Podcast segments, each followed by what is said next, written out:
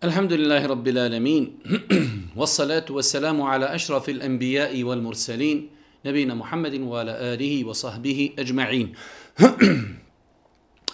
دوسة سفاكة زهلا بريبادة وزيشنم الله سبحانه وتعالى سلامات ميري سلام من الله بسانيك الله ميلنك محمد عليه الصلاة والسلام يوجاسم بورودسو uzor te ashabi sve ljude koji slijede put istine do sudnjega dana. Uvažna braćo i poštovane sestre, uvaženi prisutni. Evo nas u još jednu emisiju koju se družimo s vašim pitanjima i vašim dilemama koje vi šaljete u pismenoj formi na naš e-mail. Ovo je naša 142. emisija. Prvo pitanje, ako bi mogli posjetiti me na propise vezane za seždu zahvalnosti, da li se donosi tekbir i šta se uči na seždi i da li se zahvaljujemo samo svojim riječima ili je potrebno i nešto proučiti. E, jedan od ibadita koji je možda i nepoznanica velikom broju ljudi jeste da kada se čovjeku desi određena bitna, velika, blagodat, nešto novo, da čovjek e, znači e, uradi seđdu zahvalnosti Allahu subhanu wa ta'ala, da li možda što je završio fakultet, da li što je dobio dijete, da li što je i tako dalje. Znači neke velike stvari kada se čovjeku desi kao blagodati, da čovjek uradi seđdu zahvalnosti. E, vjerodostojni hadisi potvrđuju da je to bila povremena praksa, znači e, Božih poslanika, alihi salatu wasalam. Ne postoji mnogo argumenta koji pojašnjavaju kakvoću ove seždi, tako da insan ne treba mnogo da se opterećuje. Pojenta je da čovjek uradi seždu. E, može prilikom odlaska na seždu donijeti tekbir i pasti na seždu. Može na toj seždi e, učiti zikrove koji se uče u namazu, a i ne mora. Može svojim riječima na seđdi zahvaliti Allahu Đelšanu za ono zbog čega je pao na seđdu.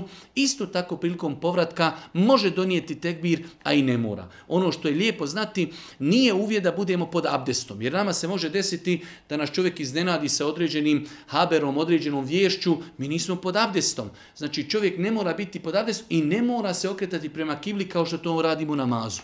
Čako da čovjek, ako bi rekli da je kibla, kibla ovako, ako mu se desi da hoće da uradi eh, seždu zahvali, može urati i lijevo i desno. Znači može se donijeti tekbir prilikom odlaska na seždu, a i ne mora. Mogu se podignuti ruke, a i ne moraju.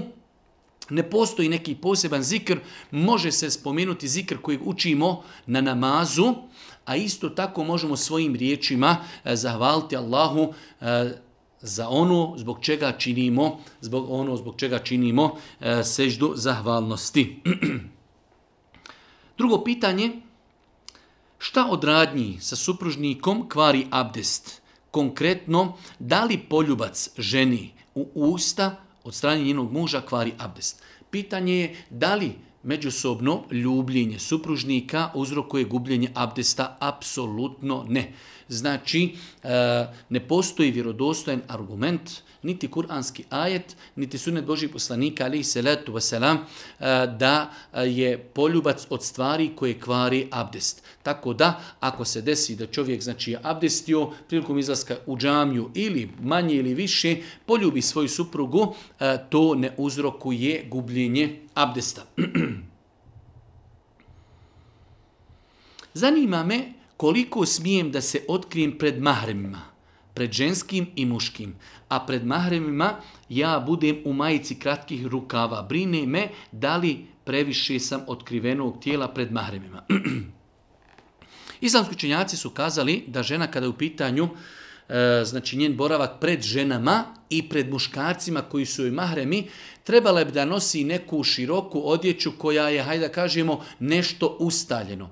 E, da žena nosi e, suknju, da žena nosi e, pa makar to bila i neka košulja ili da bude to neka majica kratkih rukava, ako Bog da, znači ono što je bitno jeste da žena pokrije avrete i da to nije odjeća koja je tjesna da to nije odjeća koja je tjesna, tako da nema smetnje da žena pred mahremima ili drugim ženama bude otkrivene glavi, da su joj otkrivene ruke od lakata, možda da joj bude suknja dole negdje do ispod koljena, znači e, da se taj dio nogu vidi, to ako Bog da nije sporno, bitno je da budu pokriveni avreti i da to bude odjećom koja je široka. Tako da ovdje je pitanje, znači žena e, bude pred mahremima, ženama ili mahremima u majici kratkih rukava, inšala biznila, eh, ne bi to trebalo da bude isporno svakako, da takve majice ipak trebaju da budu i široke, da ne oslikavaju dijelovi tijela, ali eh, s aspekta da je to kratki rukav, ako Bog da, ne smita.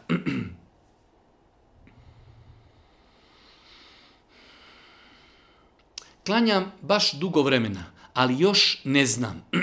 da li se na podne i kindi namazu na farzu uči u sebi fatiha i još neka sura ili samo šutimo u namazu? Znači, pitanje je kad čovjek klanja podne i kindiju u džematu. Da li na prvom i na drugom rekiatu prvenstveno, a i na trećem i na četvrtom, treba učiti fatihu i suru ili samo da čovjek šuti. Svakako, eh, znači s aspekta mezheba, Eh, velik broj učenjaka je smatrao da čovjek, eh, kada je u pitanju podnije i kindija, to su ti namazi u kojima se uči u sebi, obaveza mu je da uči fatihu, a nakon toga, ako ima vremena da prouči i suru, kao znači pohvalno i mustahab lijepo dijelo.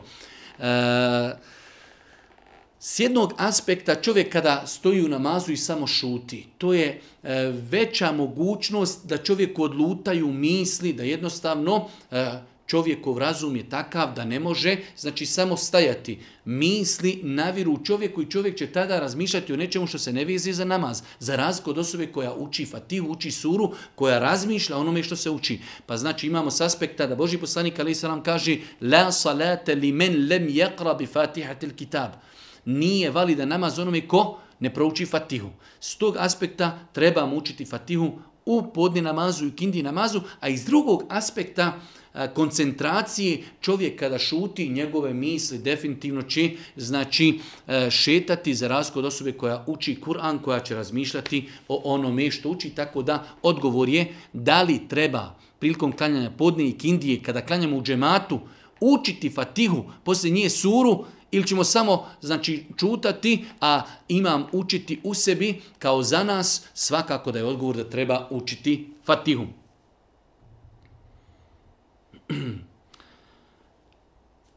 Da li imaš abdest ako koristiš parfem, a u sastavu tog a, parfema ima alkohol? Ja sam to malo preveo, a pitanje je poslao neki naš brat makedonac.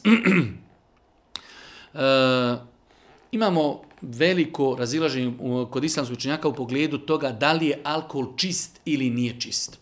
Lično sam stava da ne postoji jasan dokaz da je alkohol nečist samim time. E, ako imamo parfem koji u sebi sadrži određen procenet alkohola, da li možemo koristiti takve alkohole, e, takve, takve parfeme? Možemo i to ne utječe nikako na validnost niti abdesta, niti na validnost, niti na validnost e, znači namaza. Ovdje je bilo pitanje da li to utječe na abdest, ne utječe na, na abdest, niti utječe na validnost, na validnost e, namaza.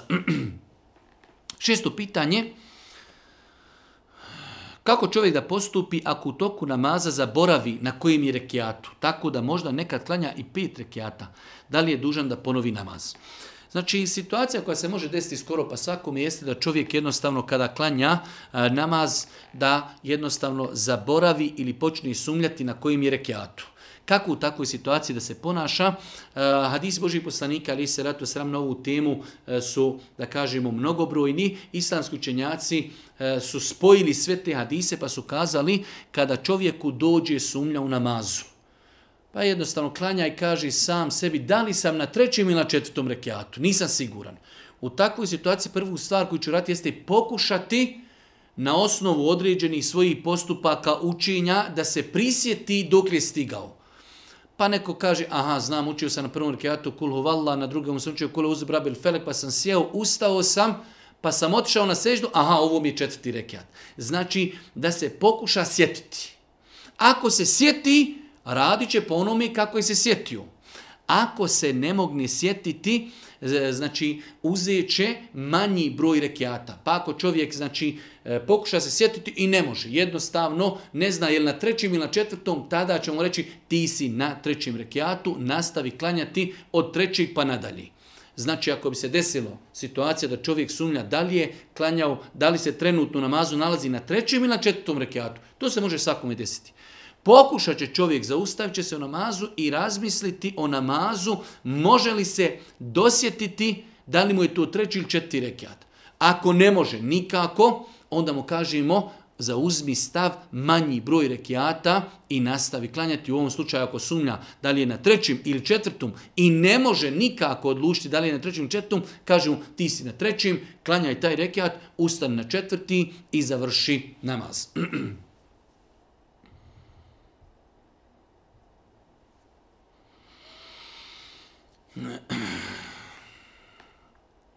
Imala sam jako težak period. Zadnja dva mjeseca redovno pratim e, objave, komentare vaših videa i tako dalje.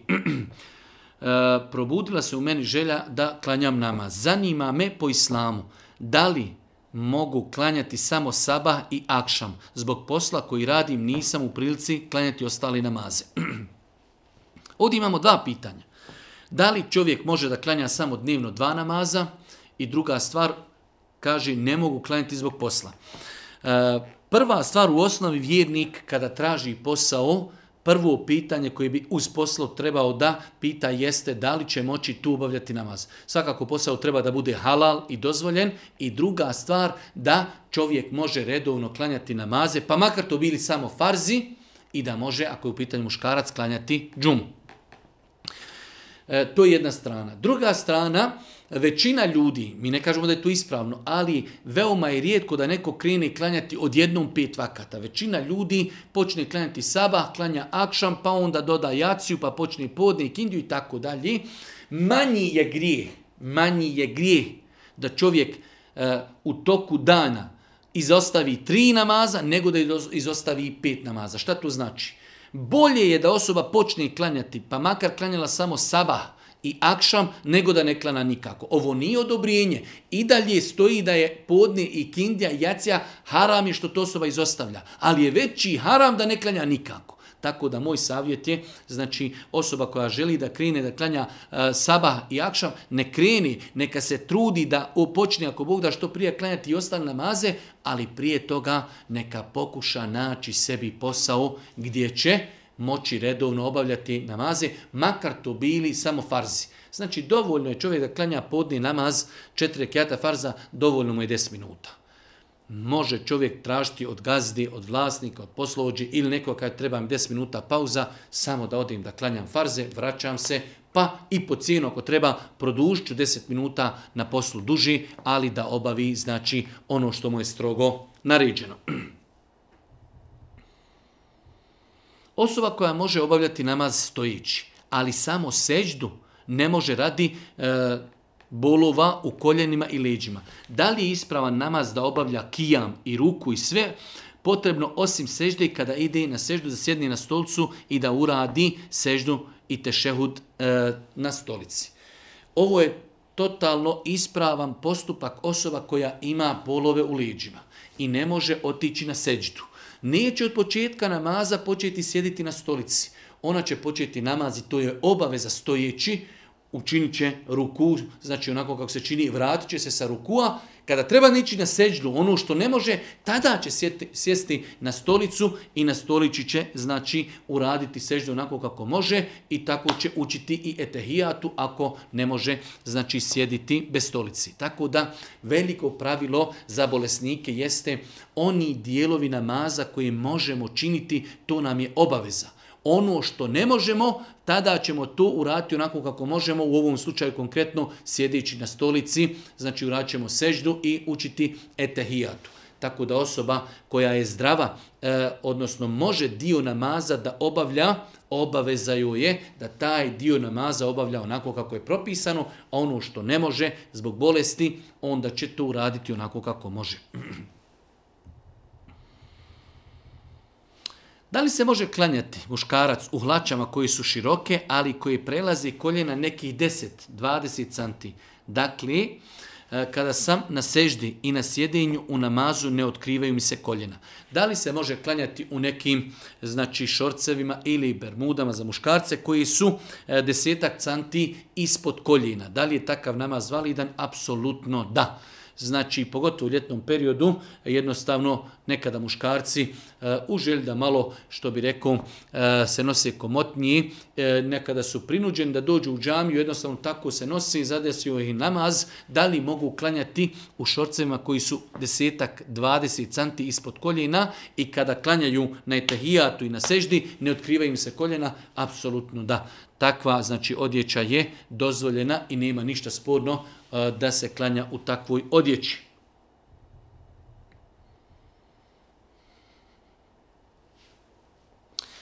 Molim vas, možete li mi detaljno pisati propis za Mevlud? Da li je to ispravno danas rati ili ne? Imam grupu čat samo sa rodbinom i zapili smo na temu Mevluda i tako dalje. U svakom slučaju, e, Mevlud nije prakticirao Boži poslanik, niti ashabi, niti generacije nakon ashaba. Na osnovu toga, e, znači, organizirati, prakticirati mevlud je novotarija. Moj savjet je da čovjek ne treba mnogo trošiti energiju u ubjeđivanju ljudi da je mevlud novotarija ona osoba koja može sati da mu kažemo vidi to nije radio Božji poslanik, to nisu radili ashabi koji su Božjih poslanika voljeli više nego mi stotinu puta. Ako je mevlud pokazatelj ljubavi, oni su više poslanika voljeli i nisu to radili. Naš način ispoljavanja ljubavi prema Božijem poslaniku je neispravan. Ljubav prema Božijem poslaniku se ispoljava slijedjenjem poslanika, a ne uvođenje u islam, u vjeru i obavezivajući ljude onim što nije od vjerije. Tako da, onaj ko to može shvatiti, može onaj ko ne može, ko je odrastao u podneblju kao što je naše, gdje se mevlud smatra i badetom, gdje se ljudi praktikuju, treba ljude pozvati, treba im pojasniti, ali ne treba to biti glavna tema i nešto oko čemoga ćemo se svađati, raspravljati. Dovoljno je ljudima kazati, to nije radio Boži poslanik, to nisu radili asabi, ljubav prema Božim poslaniku se ispoljava slijedženjem, onaj ko može shvatiti, može, onaj ko ne može, e, znači nećemo ništa postići svađom.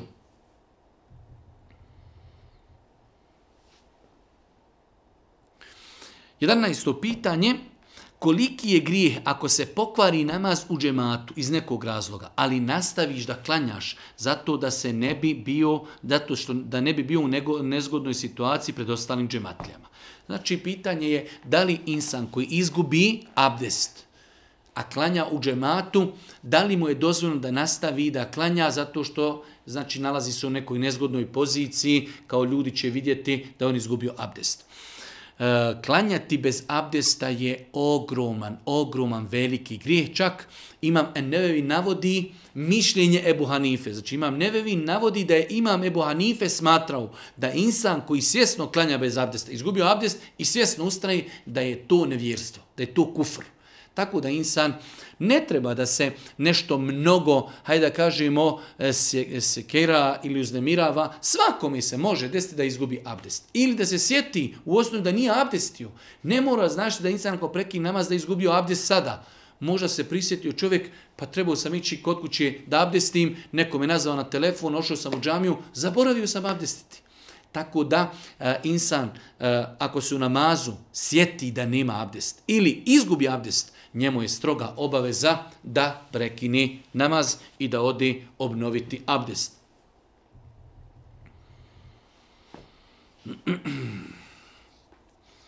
Molim vas, odgovor hitno je da li je dužnost djeteta da kaže jednom od svojih roditelja da majka, oca ili otac majku vara, dok majka ili otac ne zna da se to dešava. Znači, dijete je shvatilo da jedan roditelj valja, vara drugog roditelja. Pitanje je je li mu obaveza da to roditelju drugom kaže. Islamski učenjaci savremenog doba, kada odgovaraju na ovakva pitanja, kazali su, prva stvar, čovjek mora paziti da bude siguran da ne bi iznio potvoru na nekog od svojih roditelja. To je prva stvar, znači da bude siguran da oni su radili nešto što je šarijetom zabranjeno. Druga stvar, nakon što bude siguran, treba da pokuša savjetovati roditelja, da li to bio otac ili majka, da mu kaže boj se Allaha, Allah te nagradio, ti si moj otac, ti si moja majka, ali to što radiš je neispravno, to Islam zabranjuje, kako bi se ti osjećao da tebe druga strana e, vara i tako dalje. Ako to ne uspije i on i dalje ustraja, on to zna da ustrajava, onda su islamski učenjaci kazali ili će kazati njegovoj rodbini. Ako je pitanje otac da kaže njegovom, na primjer, bratu, amiđi, ili da kaže njegovoj majici, njegovom ocu, djedu, pa kaže, vidi, znam da on to radi, de ga vi posavjetujte kako bi se sačuvao brak.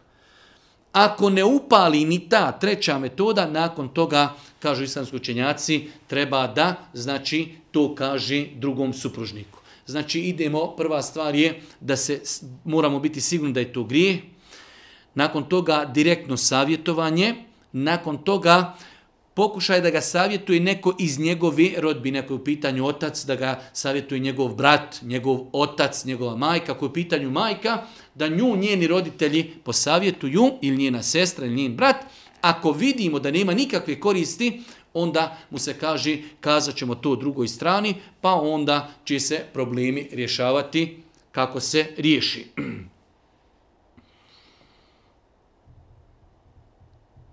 Naime, imamo 18 godina. Hvala Allahu, trudim se da praktikujem vjeru, pa između ostalog pustio sam bradu, ali moja majka se žestoko protivi, pokušavam joj objasniti da to ne, smije, e, ne smijem raditi, brijati bradu, ali ona ne razumije. Čak mi kaže da mi nikada neće halaliti i tako dalje. Imaju još neki drugi propisi koje mi osporava. Šta da uradim? U svakom slučaju, to je, nažalost, e, evidentna pojava da imamo slučajeve roditelji ne da se raduju i veseli da se njihovo dijete vraća vjeri, da praktikuje islam, oni to negoduju, svađaju se, čak do te mjere da roditelji kaže, evo vidite, neću ti halaliti. E, propise puštanja brade je da je to obaveza, muškarac koji je punoljeta, njemu je obaveza da pusti bradu. Negodovanje roditelja treba znači da pokuša smiriti savjetom, pojašnjenjem, objašnjenjem, a na kraju krajeva znači e, nema pokornosti stvorenjima u nepokornosti Allahu. Čovjek će dati sve od sebe da na blag, lijep način pojasni da je to propis, to je radio Boži poslanik. Boži poslanik je preporučio da muškarci nose bradu, ako to razumiju, razumiju. Ako ne razumiju, insan će ostati pri svojim stavovima. Jedno malo duže pitanje u kojem čovjek kaže da živi sa suprugom i nemaju djeci, pa su došli na ideju kada ko od njih dvoje bude prvi umirao da ostavi testament da drugo nasljeđuje svo njegovo znači nasljedstvo nakon smrti. Da li je to ispravno ili ne? E, čovjek koji E, znači ostavlja testament, nema pravo da, ako je u pitanju testament, testament je nešto što se realizira nakon smrti čovjekovi. Mi ovdje govorimo samo o testamentu, ne govorimo o tome šta čovjek može urati dok je živ, jer je pitanje specifično i, i da kažemo, komplikovano. Testament se može ostaviti samo nekome ko nije šerijatski nasljednik i da bude u granici trećine imetka. Ne može čovjek ostaviti testament, kaže, kada ja umrem, mene će naslijediti moja žena. Mo, žena dobiva ono što je gospodar je odredio. Dobiva ono što je znači pojašnjeno i ne može se ostaviti testament nasljedniku. I s druge strane, hoćemo da ostavimo testament tamo nekom komšiji, prijatelju, poznaniku, možemo ostaviti samo u granici trećini. To su dva uvjeta. Tako da ako se desi da čovjek evo i žena žive i umro je čovjek.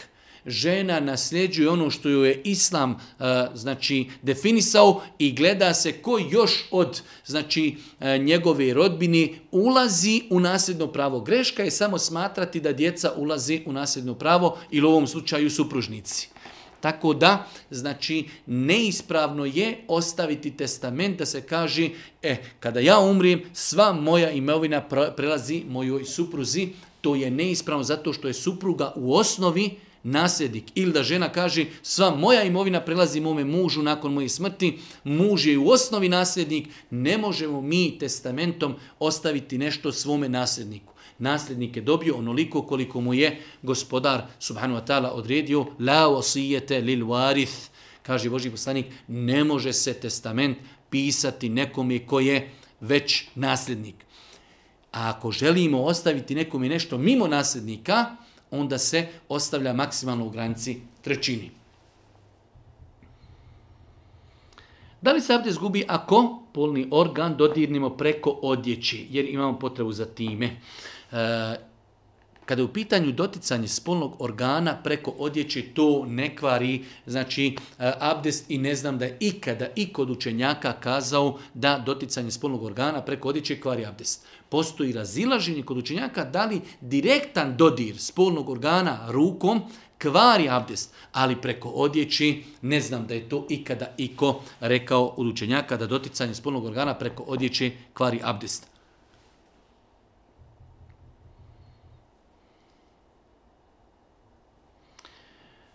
Radim u trgovini u kojoj imaju alkoholni proizvod, pa me zanima da li je grijeh e, ako ih ja prodajem. Boži poslanik Ali Seretu Veselam zabranio je prodaju alkohola, odnosno Boži poslanik je prokleo deset osoba koji su vezane za alkohol, jedna od tih osoba jeste i onaj koji to prodaje, tako da čovjek vjernik, znači, e, treba da izbjegava ovakav posao u kojem će morati prodavati alkohol.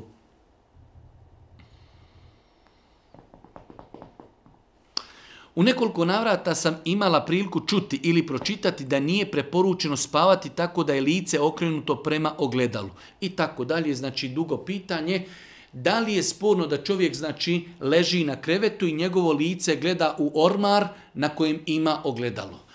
Ne postoji dokaz u islamu na osnovu kojeg bi mogli kazati da je pokuđeno ležati i da je naše lice u pravcu ogledala, u osnovi ne postoji nikakav propis koji nešto e, ograničava čovjekovu vezu sa ogledalom. Znači čovjek ima ogledalo, ogleda, ogleda se dok stoji, dok sjedi, dok leži e, i tako dalje. Ne postoji nikakvi posebni propisi koji se vezuju za čovjekovo opođenje znači i gledanje u ogledalo. Tako da i ležanje u datom momentu ako čovjek legne na lesnu stranu ispred njega ima e, znači ormar ili nešto drugo na čemu ima ogledalo, nema ništa sporno u tome. Interesuje me stav islama po pitanju spavanja u kratkoj oskudnoj odjeći ili bez odjeći, pogotovo znači između supružnika. Postoje jedno veliko pravilo koje su postavili islamsko činjaci, a to je da supružnici međusobno nemaju e, stidne dijelove tijela avrete. Znači, opođenje muža prema ženi i ženi prema mužu, oni jedno prema drugom nemaju avrete. Tako da, znači čovjek e, i supruga ako spavaju, leži, mogu obući kratku odjeću, oskudnu odjeću, bez odjeći, ono što je njima, da kažemo, lijepo, prijatno, ono što im odgovara, tako će se i ponašati i raditi. Esselamu alaikum, halal te nasmijetni, imam jedno pitanje, da li je dozvoljeno svojim riječima dojiti na seđdi, na farz namazu ili je dozvoljeno samo na nafili? fili? Ovo je jedno od pitanja u pogledu kojih su islamski učenjaci savrnog doba razišli. E, lično smatram da je bolje izostaviti i izbjegavati učenje dovi na maternjem jeziku u farzu. Ipak farz ima svoju posebnost i neku svetost dodatnu odnosu na filu, na, na filu, iako je dio velikih učenjaka smatrao da čovjek može na maternjem jeziku učiti dovu čak i u farzima, ali učiniti ja sam lično stava da je bolje e, znači dove koje želimo doviti ostaviti i doviti na, e, na filama, na seđdi, a čovjek znači e, mimo namaza, poslije namaza, prije namaza, između jezana i kameta i u drugim situacijama ima priliku da dovi na svom materijom mjestku, tako da definitivno je prioritetnije da to čovjek ne radi u farz namazu.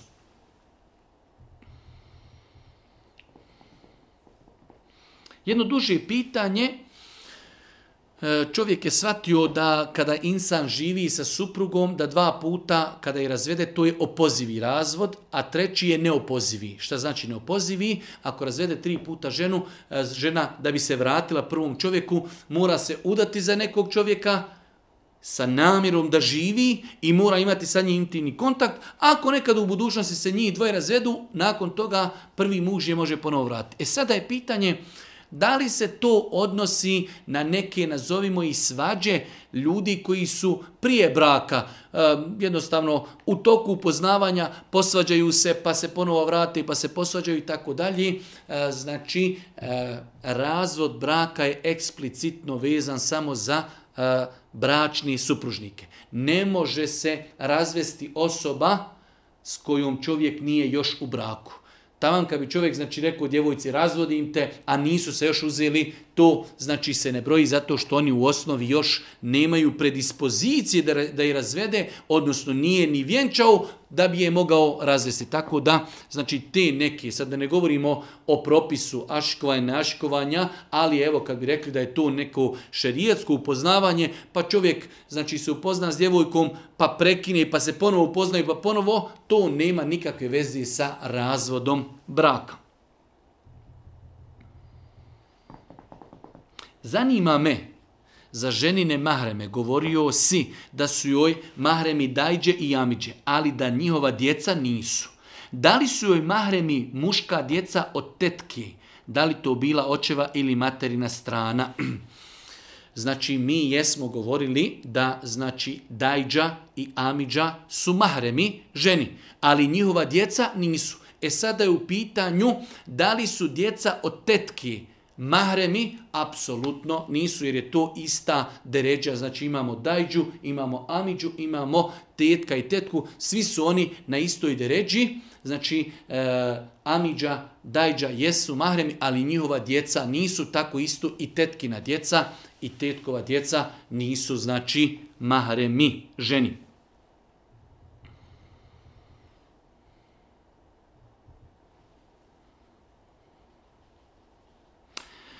Već nekoliko mjeseca radim kao njegovateljica. S obzirom na prirod posla često viđam intimne dijelove muškaraca i žena prilikom e, sprovođenja njege kod istih. Pored toga, ponekad prilikom služenja hrani bolesnicima i hrani mi sa hranom koja ima i svinjetinu. Ili neko dobije uz hranu alkoholno piće. Da li je takav posao dozvoljen? E, Velik broj naroda iz Bosne odlazi i nalaze posao u staračkim domovima.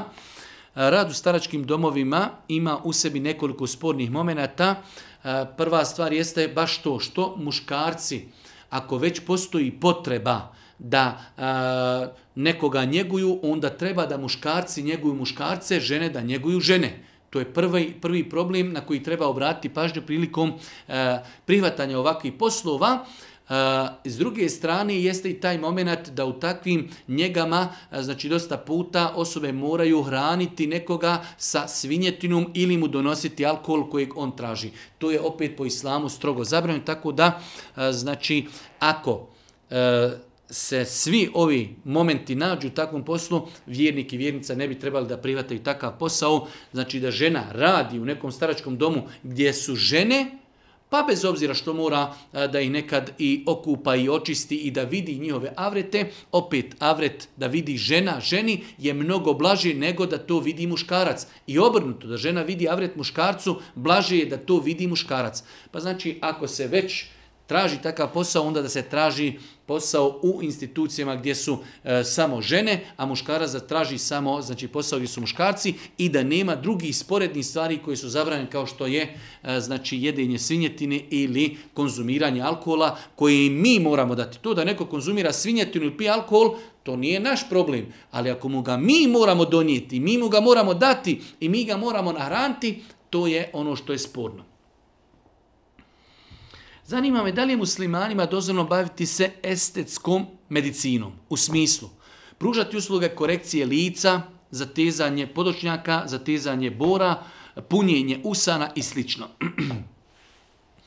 Uh, estetski poduhvati, hiruški, u osnovi znači su zabranjeni. To je osnova. Uh, ali mogu biti u datom momentu dozvoljeni ako ima potreba za tim, kao čovjek ima u saobraćajnu nesreću, pa ima određeni, znači, e, da kažemo, poremećaj na licu, pa se onda, znači, ta... E, E, estetska hirurgija uplete da mu te neke stvari, hajde da kažemo, e, završi i uradi. Ali otvoriti, znači, e, da kažemo, ordinaciju ili otvoriti instituciju koja će samo to rati, znajući da 95% ljudi danas koji pristupaju podovatima estetske hirurgije radi to s ciljem uljepšavanja, a to je haram u islamu. Tako da, moj savjet je da čovjek, znači, ako već i ima tu uslugu, da to bude sporedno, sporedna usluga koja će se samo znači, e, nuditi ljudima koji imaju opravdan šerijetski razlog za to.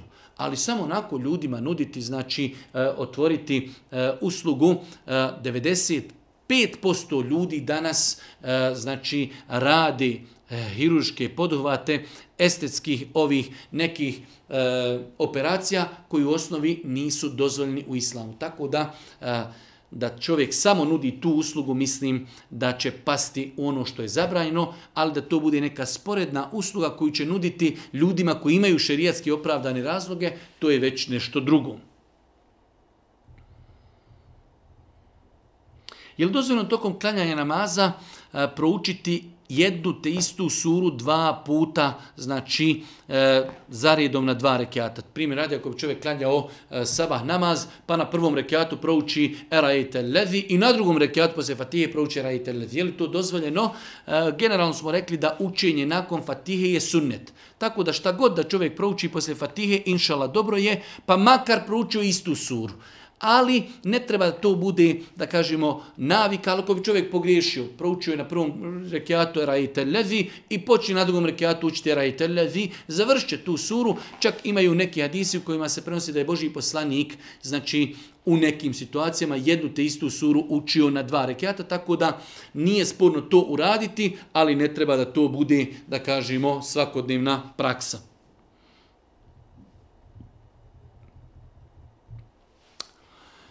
imam jedno pitanje, muslimanka sam, elhamdulillah, klanjam namaz, bojim se Allaha Đelšanu, ali ne nosim hijab. Zabranjeno je nositi na Kosovu u javnim institucijama. Ja sam učiteljca pa me interesuje da li je to haram.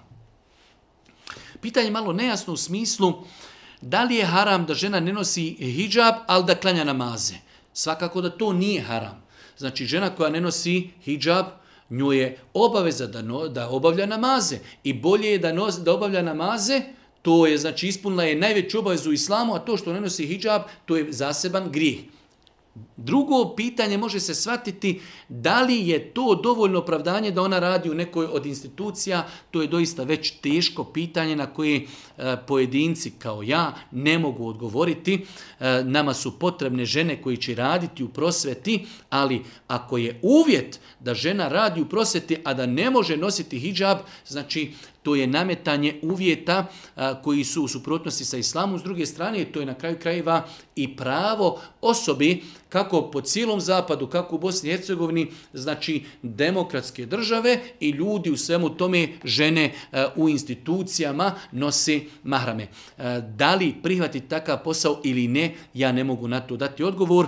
Ako već to žena i radi, onda treba odmah dok izađi iz školi odmah staviti mahramu. Znači, ako ne mogu nositi mahramu u školi, nosit ću je od onog momenta odmah dok izađem iz dvorsko, školskog dvorišta. Iako, znači, da neko pogreš ne sati, nisam dao odgovor da li prihvatiti takav posao. A, ali ako već neka žena to radi, onda ne može mi niko sporti da nosim hijab dok izađem iz školskog dvorišta.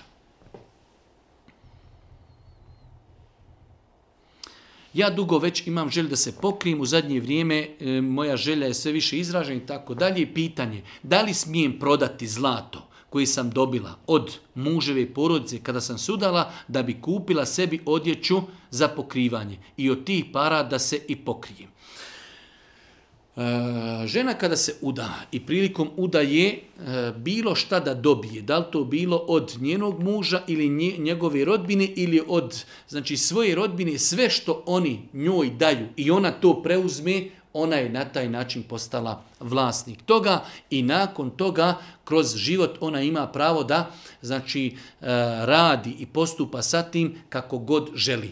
Sve što znači žena dobije. Bez obzira, ne samo žena, u islamu je pravilo da e, e, osoba koja dobije nešto na poklon, ono u momenta kada to preuzme, ona postaje vlasnik toga. Žena kada se udala od znači, o, svoje rodbine i od muževe rodbine dobila je na poklon novca, zlata, tako dalje, ona postaje vlasnik toga, ima pravo da to proda i ima pravo da od tog novca kupi sebi odjeću koju će, ako Bog da koristi, kao hijabu pročitala sam da se za umrlog roditelja mogu naklanjati namazi. Da mu možemo olakšati klanjanjem ako mu fali. Eto ako može vaše mišljenje. Nije tačno. Nikada u životu niko od učenjaka nije dozvolio da se naklanjavaju namazi koje je Mejit nije klanjao. Nikada niko u historiji Islama nije dozvolio da se za Mejita klanjaju namazi koje on nije klanjao. Tako da to je neispravno. E, za Mejita možemo dobiti, možemo da njega učiniti trajnu sadaku, možemo obaviti hač ili umru. To su stvari koje su potvrđene hadisma Božih poslanika. Ibn Taymi, rahmetullah, jer i drugi neki učinjaci navode situaciju da čovjek klanja na filu i kaže gospodaru, seva povi na file i ja poklanjam svome ocu ili majci To je dio učenjaka dozvolio. Ali da mi klanjamo, znamo da naš otac nije klanjao, ne znam, godinu, dvije, tri, mi kao, eh, idem ja klanjati podnije koje nije klanjao moj babo tog i tog datuma. To nikada niko od učenjaka nije dozvolio da mi klanjamo, naklanjavamo namaze koji naši roditelji nisu klanjali. To je neispravno i ne treba se time oterećavati. Treba dobiti za roditelje, treba za njih davati sadaku, obaviti hač, obaviti umru, a po dijelu učenjaka učenjaka neko ko klanja na filu, ne farze. Farz je naš, ali na filu da čovjek klanja i da kaže poslije namaza ja rab seva povi na fili, poklanjam svome roditelju, dio učenjaka je to dozvolio. da li je dozvoljeno da životinje, mačka, jedu kosti kurbanskog misa? U prošloj emisiji smo govorili, naj, e, koliko sjećam, o propisu mesa, ovdje su kosti. Da li je dozvoljeno da maci ili psu damo kurbanske kosti? Nema apsolutno ništa sporno u tome da se e, kurbanske kosti, od znači kosti od kurbana da se daju životin čak je to pomeni bolje i prioritetnije nego da ih bacimo znači kada ih bacimo od toga nema nikakve kosti, ne koristi a kada kurbanske kosti na kojima ima malo loja malo mesa damo nekoj životinji imamo korist da smo tu životinju nahranili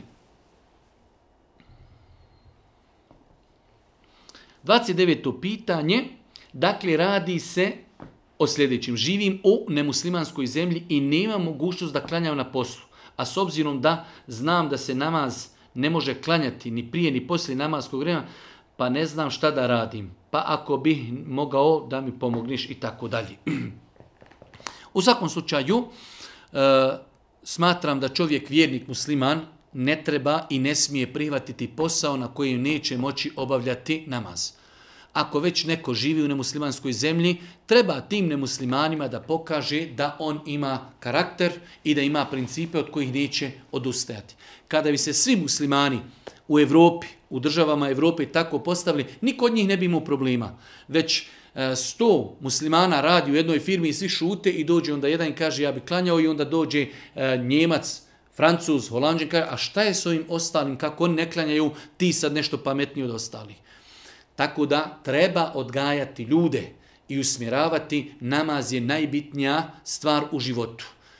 Cijela planeta, Dunjaluk, ne vrijedi da se jedan namaz ostavi. Boži poslanik je zaprijetio osobi koja ostavi kindiju da će mu propasti sva dobra djela. Tako da, čovjek vjernik, ako je već otišao trbuhom za kruhom, ne smije dozvoliti da izgubi i Dunjaluk i Ahiretu. Tako da, znači, tražit će sebi posao gdje može obavljati namaz, pa makar taj posao bio manje plaćen nego tamo gdje ne može klanjati.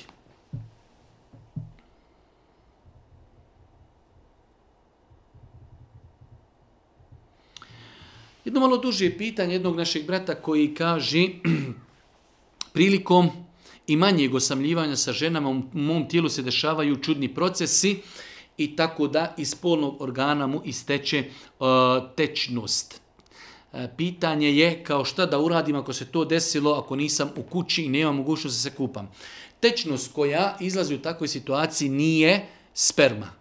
Ta tečnost se u islamu zove medhij, e, pred ejakulacijska tečnost i ona jeste nečista. Čovjek treba da, e, kada mu se to desi, da operi tragove na vešu, i treba da opere spolni organ, pa čak, kao što je došlo u jednom rivajetu, i testi se.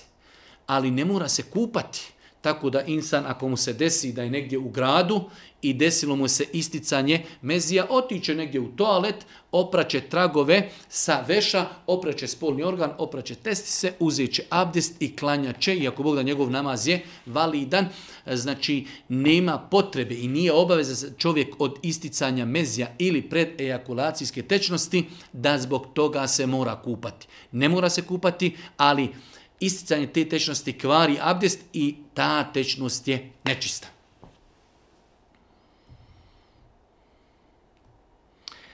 Pitanje, ja i moj suprug e, smo toliko dugo godina u braku i nemamo djeci. Obavili smo sve medicinske preglede, sve u redu, ali pitanje je kako i na koji način da dovi Allahu svanu tela za potomstvo kada ustaju na noćni namaz. Kada u pitanju e, traženje potomstva, uzvišnog Allah SWT u noćnim satima, ono što čovjek može urati jeste da traži od Allah SWT na noćnom namazu na seđdi. Znači na seđdi, u zadnjoj trećini noći, Allah poslanika ali se nam kaže, e, kada nastupi zadnja trećina noći, uzvišeni Allah se spušta na dunjalučko nebo i pita ima li neko da nešto traži pa da mu tu dovoljim to je znači u zadnjoj trećini noći, na seđdi. Boži poslanik Ali Salam kaže, najbliže što insan može biti svom gospodaru jeste kada je na seđdi. Zato mnogo dovite, velika je mogućnost da će vam se dova uslišati. Da čovjek dovi u namazu, u zadnjoj trećini noći, na seđdi. A isto tako kada završi sa namazom, nema smetnje da čovjek podigne ruke, u kojima će početi svoju dovu sa zahvalom Allahu, sa salavatom Božih poslanika i svojim riječima od gospodara tražiti ono što mu je potrebno. Posljednje pitanje, ja i moj muž kada putujemo iz Njemačke prema Bosni, mi smo musafiri, ali ja i muž klanjamo u autu sjedeći, to jest, što uradimo, okrenimo auto baš kako je kibla, mene zanima da li je naš namaz ispravan. Nije ispravan namaz kojeg osoba obavi u autu ako ima mogućnost da klanja stojeći.